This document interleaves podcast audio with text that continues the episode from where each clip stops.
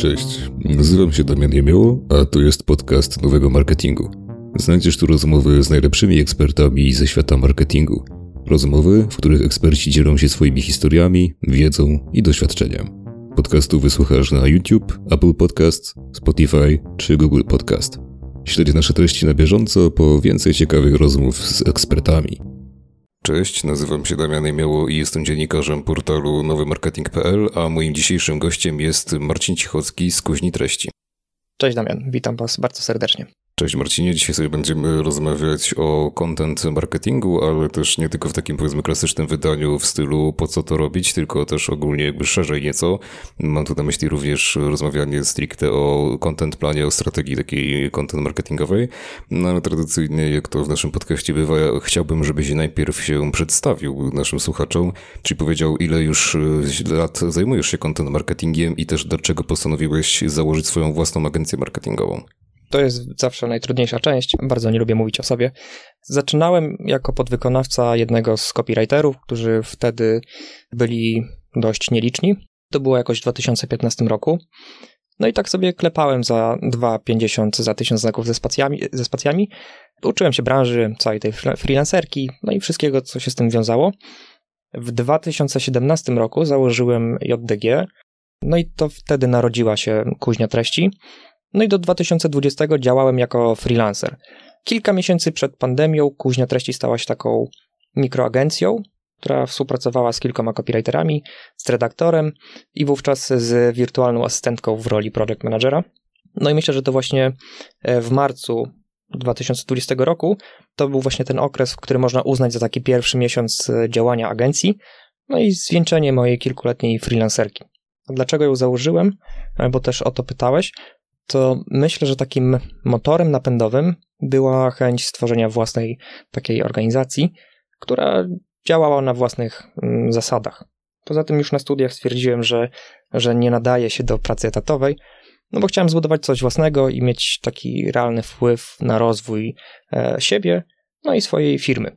Początkowo do założenia agencji popchnęły mnie głównie kwestie finansowe, nie ma się co czarować, ale z czasem, gdy zacząłem budować ten biznes cegiełka po cegiełce, uczyć się tych wszystkich nowych umiejętności, zatrudniać świetnych ludzi i widzieć, jak wpływamy na swoje najbliższe otoczenie całą, całą tą gromadą, to celem numer jeden e, stał się przede wszystkim szybki rozwój kuźni, przy takim zachowaniu możliwie maksymalnego zadowolenia klientów, ale przede wszystkim też pracowników i osób, z którymi współpracujemy. I właśnie jak też e, rozwinęła się twoja agencja na przestrzeni lat, mam tutaj na myśli właśnie tak jak wspominasz, na początku zaczynałeś jako freelancer, jako JDG, natomiast obecnie z tego co wiem, to pracuje u ciebie znacznie więcej osób niż na samym początku. Na starcie faktycznie tam było kilku copywriterów, tak jak wspominałeś, teraz już jest chyba to kilkadziesiąt osób łącznie i z tego co również wiem, to przygotowujesz się obecnie tak trochę do ekspansji zagranicznej. W ciągu tych dwóch lat dość szybko kuźnia treści spuchła i Franek Gorgiew, e, który w pewnym z wywiadów, e, wywiadów czy jakichś webinarów e, wspomniał, i którego pozdrawiam oczywiście, że rozwój Tigers odczuwał jakby jechał na przedzie rozpędzonego pociągu, którego nie da rady zatrzymać. No i myślę, że to porównanie no, świetnie pasuje też e, w przypadku kuźni treści. Może nie jest to jakiś pendolino, ale taki powiedzmy rozpędzony Intercity tak najbardziej można byłoby do tego porównać, rozwój kuźni. No, obecnie w zespole jest lekko ponad 50 osób, ta liczba też e, fluktuuje w zależności od tego, e, jakie mamy obecnie zapotrzebowanie. W ramach tych 50 osób jest też kilkuosobowy dział redaktorski, kilkudziesięcioosobowy dział copywriterski, dział handlowy, accountski, więc jakby kuźnia też się rozrosła wszerz. No i dostarczamy content wielu topowym agencjom obecnie marketingowym w Polsce, jednym z bardziej rozpoznawalnych marek w swoich, w swoich branżach. I tak jak wspomniałeś, tak teraz e, śmiało knujemy tą ekspansję, głównie na, na Wielką Brytanię i na USA, ale może nie będę uprzedzał faktów. Okej. Okay. No możesz powiedzieć, dlaczego w zasadzie akurat te rynki? Wiesz, bo one są, mm, mają relatywnie niski próg wejścia, głównie pod kątem językowym. Łatwo znaleźć dobrych copywriterów, którzy operują tym językiem, a i content pisany w, w brytyjskim angielskim czy w amerykańskim angielskim jest dość szeroko wykorzystywany również w innych krajach Unii Europejskiej czy poza Unią Europejską, więc jakby ten rynek jest taki, te dwa rynki są takie najbardziej pojemne, takie na, najszersze. Jak robiłem research, marketingowy rynek Wielkiej Brytanii jest czterokrotnie większy niż polski, a rynek mm. amerykański jest 137 razy większy.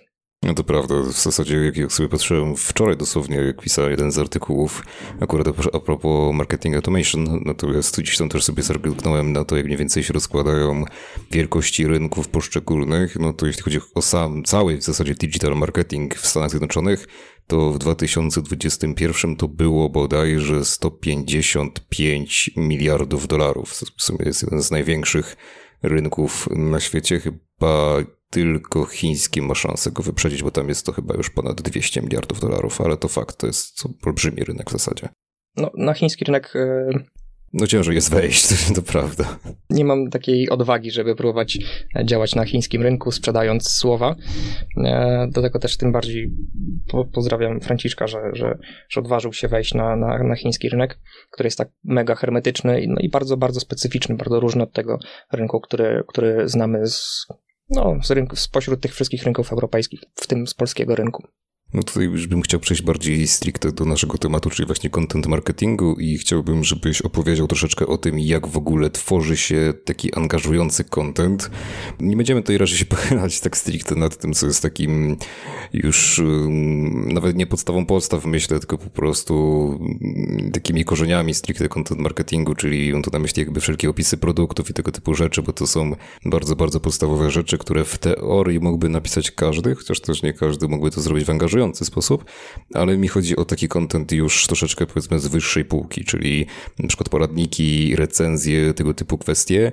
Jak za pomocą tego content marketingu się w tym aspekcie wyróżnić, jak tworzyć te angażujące treści i czy to zawsze w tym akurat aspekcie muszą być tego typu, te wymienione wcześniej chociażby poradniki czy recenzje, czy też można tutaj coś więcej zdziałać za pomocą słowa? To dobre pytanie. Formatów kontentowych jest cała masa. Kluczem jest przede wszystkim dostosowanie formatu do oczekiwań naszej docelowej grupy odbiorców. No bo jedni wolą słuchać podcastów, a innym wygodniej jest skanować transkrypcję tych podcastów. Jedni wolą mhm. oglądać YouTube'a, a inni wolą wpisy blogowe do porannej kawy i tak dalej. No tak, no bo tutaj w sumie nie zaznaczyliśmy tego, ale de facto content marketing to nie jest już tylko i wyłącznie copywriting, ale to też jest cały wideo czy nawet audio marketing. No tak na myśli właśnie treści audiowizualne, tak jak tu Marcin wspomina. Z tego też względu kuźnia się trochę e, poszerza. E, wychodzimy z, z samego stricte z copywritingu i zaczynamy też tworzyć treści wideo i audio, no bo to wszystko się zazębia, wszystko się uzupełnia. No i też z tego względu, e, że jakby dopiero zaczynam odkrywać e, na polskim rynku wideo i audio, wiele firm jakby ten próg wejścia trochę zmalał i coraz więcej firm stać na, na, na tworzenie wideo i audio, mają też e, łatwiej dostępne know-how, jak to robić, więc dlatego warto testować różne formaty i badać, który z nich cieszy się największym zainteresowaniem, największą popularnością i który najbardziej angażuje naszych odbiorców w naszej konkretnej branży, content marketing ma służyć przede wszystkim odbiorcom treści, a nie odwrotnie. Tu też właśnie wiesz, ta kwestia takiego, czy możesz się podzielić jakimiś, nazwijmy to, tips and tricks, jeśli chodzi o taki troszeczkę bardziej zaawansowany content. Na razie się skupmy na tym kontencie pisanym, to znaczy co takiego tworzyć, żeby, może nie co takiego tworzyć inaczej, jak tworzyć, żeby nasi użytkownicy, konsumenci, klienci chcieli nas czytać. To jest dobre pytanie też, bo to wszystko zależy od tego, kto jest naszym odbiorcą. Ja jestem wielkim zwolennikiem takiej bezpośredniej i luźnej komunikacji, takiej z jaką, z jaką na co dzień mamy do czynienia w normalnym, codziennym życiu, z jaką mają do czynienia nasi odbiorcy, którzy też są ludźmi z krwi i kości. Mhm. I no, taki język jest dla nich naturalny, najłatwiej przyswajalny, bo forma nie utrudnia im zrozumienia przekazu. Ale tak naprawdę to, to zależy, bo nie zawsze i nie wszędzie będziemy mogli skutecznie porozumieć się za pomocą bezpośredniej, czy takiej nawet wręcz śmieszkowej komunikacji, bo są grupy odbiorców, dla których sztywna, zdystansowana, czy nawet korporacyjna taka komunikacja jest bardziej naturalna i z nią czują się bardziej komfortowo. I takimi odbiorcami mogą być na przykład prawnicy, którzy za bezpośrednie zwroty w mailingach są gotowi wystosować pozew. Nie? I taką grupą też mogą być na przykład urzędnicy, jakieś środowisko medyczne czy akademickie, gdzie te wszystkie skostniałe dziadki wolą sobie panować, mówić na doktor i, i tak dalej, no bo na co dzień częściej jakby obracają się w tego typu komunikacji, niż w takiej komunikacji jakby codziennej, więc, więc dla nich taka sztywność jest bardziej naturalna niż, niż taka bezpośredniość. Czyli taka luźniejsza komunikacja to jest bardziej domena B2C niż B2B czy B2G? Też nie. W B2B obecnie coraz więcej firm wchodzi na takie luźniejsze tory. i ten śmieszkizm, te, ten, ten, ten, ten luz jest coraz częściej stosowany, no też e, świetnie konwertuje. Przykładem może być e, komunikacja Kazbek, firmy konsultingowej, mhm. która e, swoją ofertę kieruje głównie do, do C-levelu, do, do menadżerów wyższego szczebla, do dużych firm raczej. No i oni tam sobie wrzucają memy w komunikacji i im się to sprawdza. No tak, tylko wiesz, pytanie, że to też nie jest kwestia właśnie takiej troszeczkę specyfiki branży, ze względu na to, że to jednak jest firma gdzieś taka digitalowa, nawet około marketingowa, co no, pasuje troszeczkę do tego, bo to środowisko to jest stosunkowo też młode. No tak, no, no jasne, zgadzam się, że gdzieś tam wokół tego marketingu krążą, więc mhm. jakby im bardziej naturalnie przychodzi, przychodzi podłapywanie tych różnych trendów. Natomiast y, ja podałem tutaj kilka grup, które jako wyjątek powiedzmy potwierdzają regułę. I raczej jestem za tym, żeby zalecam luźną i taką bezpośrednią komunikację, no bo jest, jest najłatwiejsza w zrozumieniu, jest taka najbardziej perswazyjna. No i zwróćmy uwagę, że współczesny internauta jest dość takim zajętym, nieufnym i przebodźcowanym człowiekiem. No bo każdego dnia przetwarzamy więcej informacji niż nasi dziadkowie przyswajali przez całe swoje życie, według Pawła Lipca. Poza tym jesteśmy coraz mniej ufni, co pokazała pandemia, i coraz bardziej rygorystycznie filtrujemy informacje, które do nas e, docierają. No a content konsumujemy najczęściej w ciągu takich kilku, kilkunastominutowych interwałów, między albo w trakcie różnych obowiązków, podczas jazdy autobusem, oglądając nudny film, czy podczas dwójki, nie? No i to oznacza, to wszystko sumując, to sprowadza się do tego, że nie możemy oczekiwać od odbiorcy zaangażowania w konsumpcję kontentu, jaki dla niego wyprodukujemy. Jeśli uważamy, że nasz artykuł na pewno ktoś przeczyta od deski do deski, że on jest super ciekawy, super atrakcyjny, to zwróćmy uwagę na to, że takich artykułów są setki, miliony, i to wszystko jest okraszone różnymi reklamami, różnymi ciekawymi wizualnie formatami, i tak na dobrą sprawę nie mamy na to wszystko czasu. Więc mhm. im prostszy komunikat, tym jest większa szansa na to, że, że dotrze do świadomości odbiorcy. Okej, okay, czyli co, po prostu coraz krótsze formaty? Czy może formaty, które ułatwiają tak zwane skanowanie artykułów? Raczej, raczej formaty, które są mm, możliwie łatwe do konsumpcji. Takim formatem jest, e, takim bardzo wygodnym formatem jest podcast albo i wideo, które nie wymagają jakiegoś większego wysiłku, no bo wystarczy po prostu siąść i słuchać, nie? Albo mhm. oglądać co można robić półbiernie albo biernie całkowicie. Tekst pisany wymaga już pewnego zaangażowania, albo trzeba czytać, e, więc to mhm. już jest powiedzmy ciut trudniejsze, ale i tak mimo to jakby kontent pisany cały czas, cały czas się broni i cały czas jakby uzupełnia te, te wygodniejsze w konsumpcji formaty. No jak wspomniałem, nie każdy lubi oglądać filmy na YouTube albo słuchać podcasty, bo niektórzy wolą na przykład, na przykład sobie czytać teksty blogowe. Mhm, no niektórzy wręcz przeciwnie. I to też jest w ogóle, wiesz, przypomniało mi się to, co przy okazji widziałem wczoraj na profilu Barbary Krzysztofczyk po prostu na LinkedInie. Ona tam napisała, wyznała w zasadzie, że ma dysleksję i z tego względu bardzo ciężko jej się czyta w zasadzie dwukrotnie wolniej niż tak powiedzmy przeciętnie. To jest też coś, o czym my tak na co dzień nie myślimy. To znaczy o to, że po prostu możemy też tworzyć, a może raczej powinniśmy tworzyć treści, które będą przystępne dla osób, no po prostu różnych osób, tak, które mogą mieć, nazwijmy to w cudzysłowie, jakieś dysfunkcje, albo na przykład są to osoby z niepełnosprawnościami, na przykład nie, niedowiedzą i tak dalej.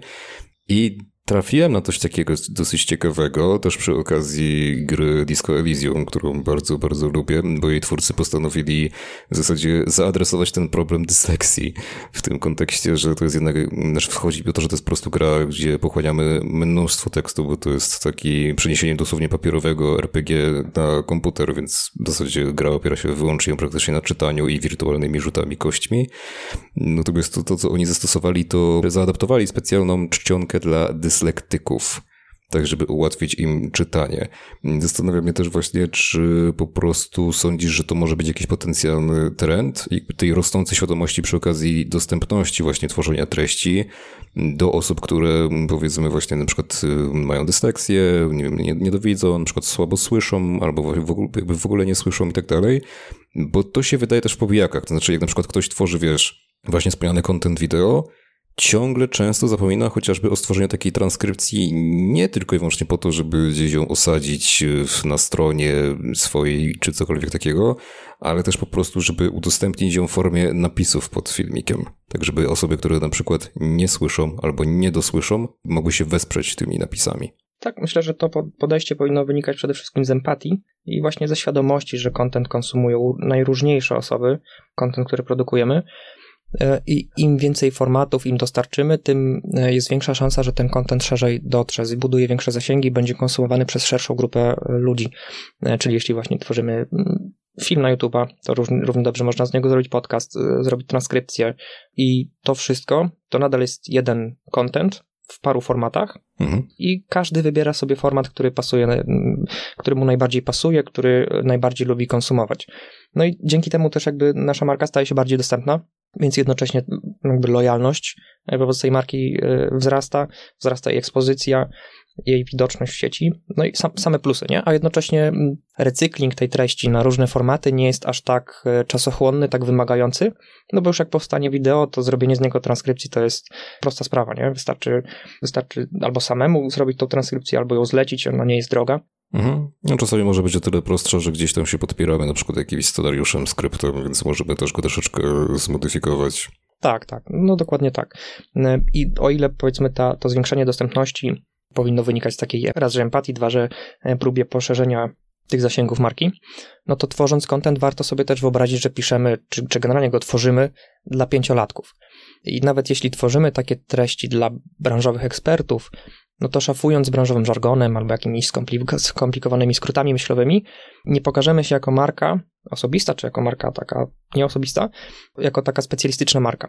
No bo mówić trudno o rzeczach trudnych to każdy głupi potrafi i jeśli już używamy takich branżowych, e, branżowego żargonu czy skrótów myślowych, to bardzo dobrze je, je wyjaśniać w, w, w kontekście znanym e, odbiorcy treści. Najlepiej generalnie wszystko sprowadzać do takiego bardziej laickiego odbiorcy, bo dzięki temu próg wejścia do konsumpcji treści jest niższy, więc też e, jednocześnie zwiększamy jej dostępność do, dla, dla innych odbiorców, dla odbiorców, którzy dopiero wkraczają w tę markę, którzy, którzy chcą ją poznać. No bo jeśli będziemy cały czas nawalali skomplikowanym słownictwem, no to duża część potencjalnych odbiorców tego nie zrozumie. No i jakby ten, ten przekaz, nasz przekaz do nich nie dotrze. Nie ma sensu podkładać sobie kłód pod nogi. No ale pytanie, czy też sobie przez to jakby paradoksalnie nie odcinamy dostępu do tych właśnie wyspecjalizowanych osób, które po obejrzeniu takiego na przykład filmiku albo wiesz, przeczytaniu po prostu tekstu, gdzie będziemy bardzo, tak jak mówisz, no krowie na rowie wręcz wyjaśniać, czyli właśnie ten kontent taki, jakbyśmy pisali do pięciolatków, czy oni się troszeczkę nie poczują obrażeni albo nie stwierdzą, że ej, to jednak nie jest dla mnie, bo to jakby ja jestem na tych kilka levelów wyżej, ja nie chcę czytać czym jest, nie wiem, CRM na przykład, bo ja to wiem po prostu raz, że to jest kwestia doboru tematyki, mhm. a dwa, że to jest kwestia komunikacji. W przypadku komunikacji, mm, no to wspomniałem, że jeśli już używamy tego żargonu albo skrótów myślowych, to dobrze je wyjaśniać. Czyli mówimy trudne słowo i wyjaśniamy, czym to jest, tak nie wiem, nawet półgębkiem. I dzięki temu i ekspert znajdzie w tym wartość, i laik będzie w stanie to zrozumieć, to o czym do niego mówimy. Generalnie taki prosty przepis na, na content to dostarczanie wartości za pomocą prostych słów, zrozumiałych porównań, e, unikając abstrakcji, no i dążąc do takiego maksymalnego konkretu, skonkretyzowania myśli. No i dzięki temu jesteśmy w stanie chwycić za serce i ekspertów, i laików. No tak, no my tutaj mówimy o odbiorcach, o tym, że oni są różni, jakby mogą mieć różne potrzeby i też inaczej w inny sposób konsumować treści, ale w zasadzie to, to wynika stricte w ogóle ze specyfiki naszej marki. On właśnie dąży do tej, tego tworzenia strategii dotyczącej content marketingu, po prostu właśnie content planu. Nie ciekawi, jak ogólnie wygląda tworzenie takiego content planu, co taki dobry content plan powinien zawierać, żeby odpowiadać nam na te najważniejsze, po prostu podstawowe pytania dotyczące tego, jakie w ogóle treści tworzyć dla naszych odbiorców? Myślę, że kluczem jest przede wszystkim dostosowanie mm, formatów, tematyki, no i całego content planu do oczekiwań docelowej grupy odbiorców. Jak wspomniałem, jedni wolą podcasty, inni wolą transkrypcje i tak dalej. Dlatego warto testować różne formaty i badać, które z nich, które z nich cieszą się taką największą popularnością, które najbardziej angażują odbiorców. I myślę, że takie najskuteczniejsze działania kontentowo to te, które rodzą się w procesie publikowania, weryfikowania, wyciągania wniosków i korygowania kursu. Bo często jest tak, że ktoś sobie mm, zrobi jakieś założenia, że taki kontent będzie najskuteczniejszy, a okazuje się, że wcale nie, że, że skuteczniejsze są zupełnie inne działania, o których nie pomyśleliśmy. Dlatego warto, warto testować, wyciągać wnioski i sprawdzać, który kontent na, najlepiej działa. Czy po prostu jakby eksperymentować przede wszystkim, tak? W sensie z góry jest trudno, Twoim zdaniem, założyć, jaki kontent będzie trafiać do naszych odbiorców? Myślę, że łatwo to przestrzelić. Możemy oczywiście e, robić jakieś wstępne analizy i, i wyciągać na ich podstawie wnioski, ale najpewniej będzie tak, że te analizy, te wnioski i ten kontent, który publikujemy, będzie trzeba lekko skorygować, dokręcić parę śrubek, a może się okazać, że całkowicie nie trafiliśmy w, w gust naszej docelowej grupy odbiorców. Wszystko wynika z tego, jak dobrze ich znamy, jak dobrze znamy ludzi, do których tworzymy, tworzymy treści. W naszym przypadku zadziwiająco dobrze zaczęły działać memy. Okay. Znaczy, z jednej strony zadziwiająco, z drugiej nie zadziwiająco, jakby, bo wiemy, że memy bardzo dobrze angażują.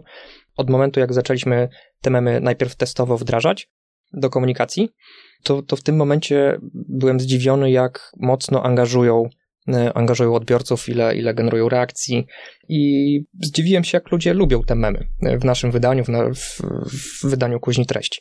No i wobec tego zaczynamy częściej memować. Na początku, jak układaliśmy content plan, całą komunikację, to te memy gdzieś tam były z tyłu jako, jako taki bardzo poboczny format. A teraz, e, teraz jakby korygujemy kurs i robimy z memów jeden z głównych formatów, jeden z głównych takich e, wyrazów marki też, no właśnie, no tutaj wspominasz o tych memach i to w zasadzie nie jest taka treść stricte sprzedażowa, bo zdaje się, że też właśnie w content marketingu coraz mniej można natrafić na takie treści typowo sprzedażowe i odchodzi się tego na rzecz, mm, no właśnie pytanie czego? Budowania świadomości marki? Ja bym tak nie rozgraniczał tego, że to jest content, do, który sprzedaje, w lejku sprzedażowym, gdzieś, nie wiem, nisko. E, to jest content, który buduje zasięgi, gdzieś wysoko w lejku. To wszystko się ze sobą łączy, odbiorcy się przerzucają między różnymi kanałami, raz y, dociera do nich nasza treść sprzedażowa z dołu lejka, innym razem spotkają się z treścią z góry lejka, jakąś zasięgową.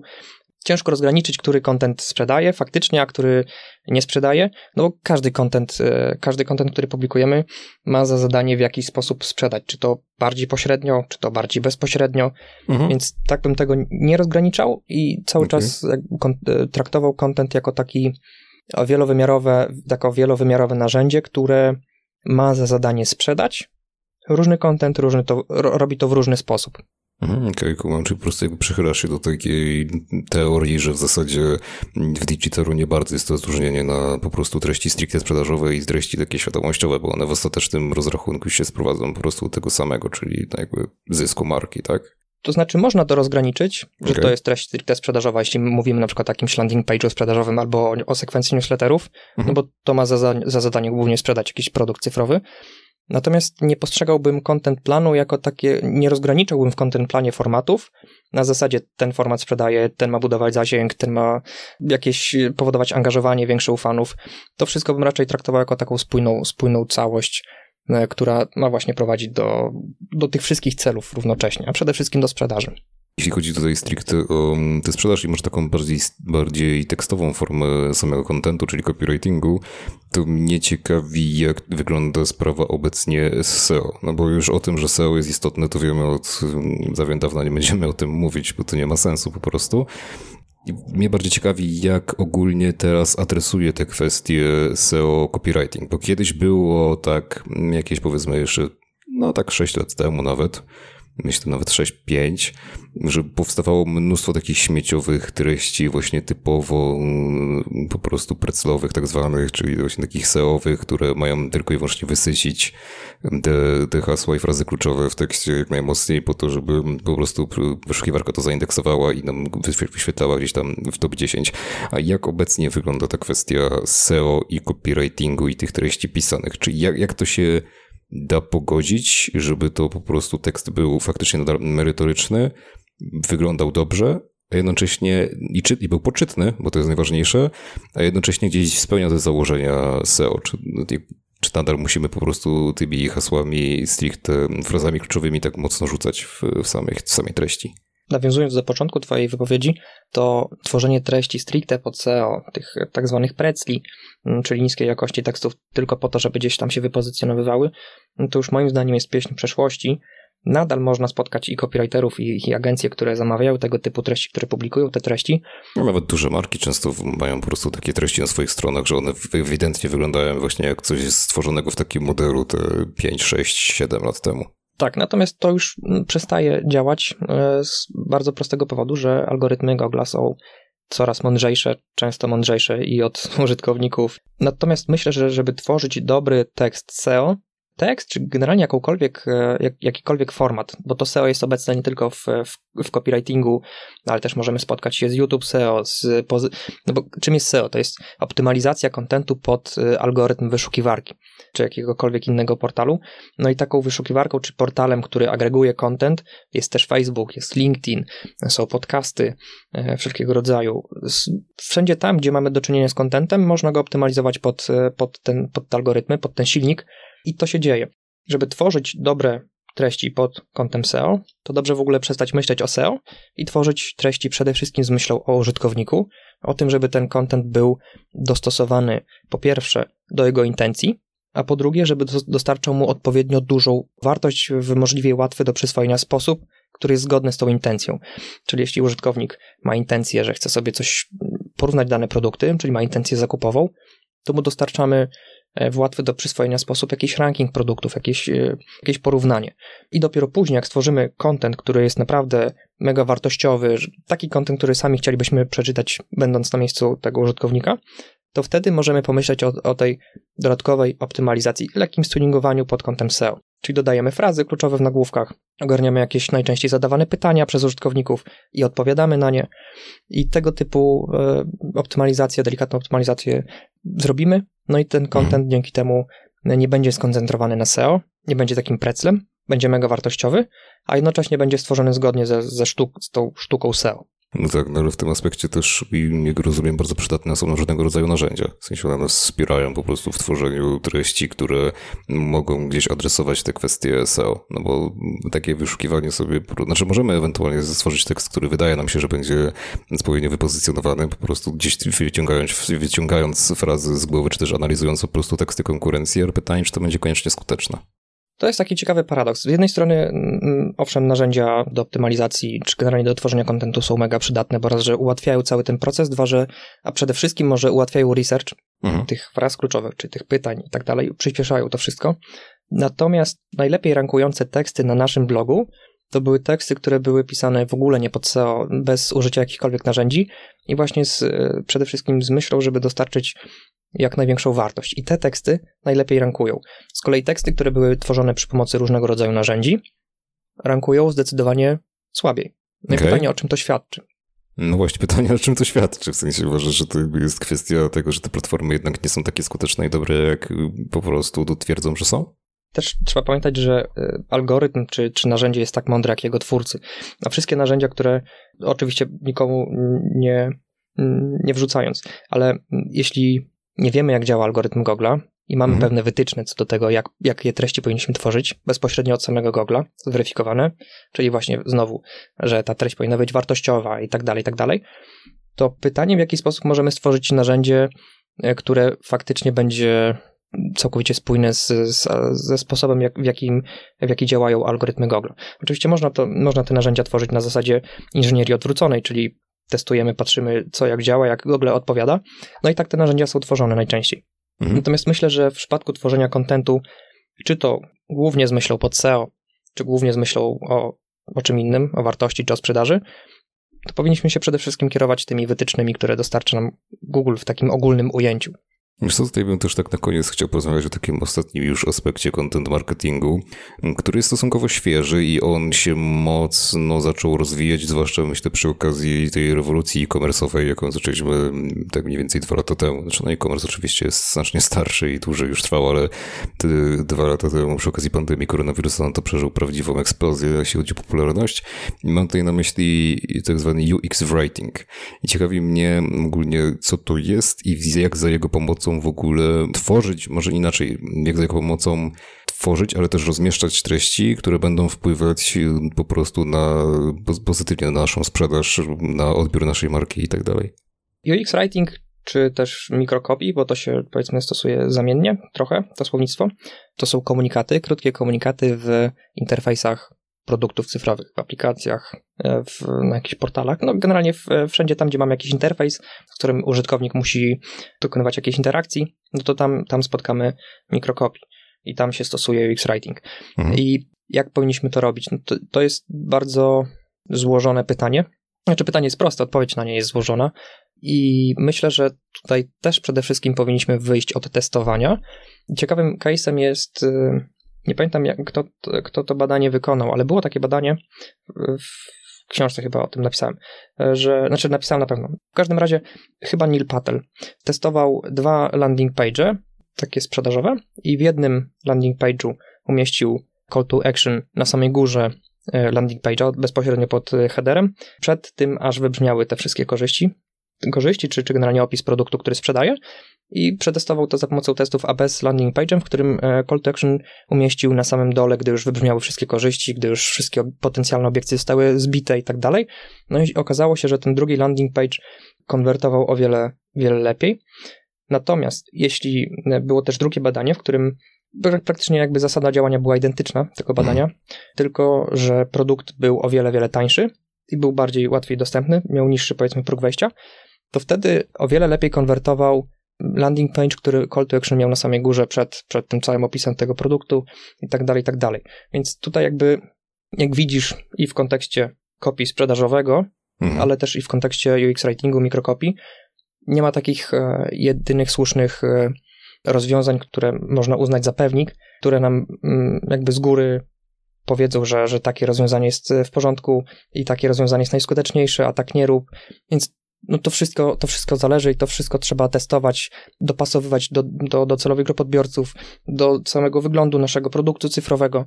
I dzięki, tylko dzięki testom będziemy w stanie zoptymalizować, czy stworzyć takie najefektywniejsze, czy kopii, czy interfejs, czy, czy wszystko, czy, czy inny content, który będzie skutecznie sprzedawał.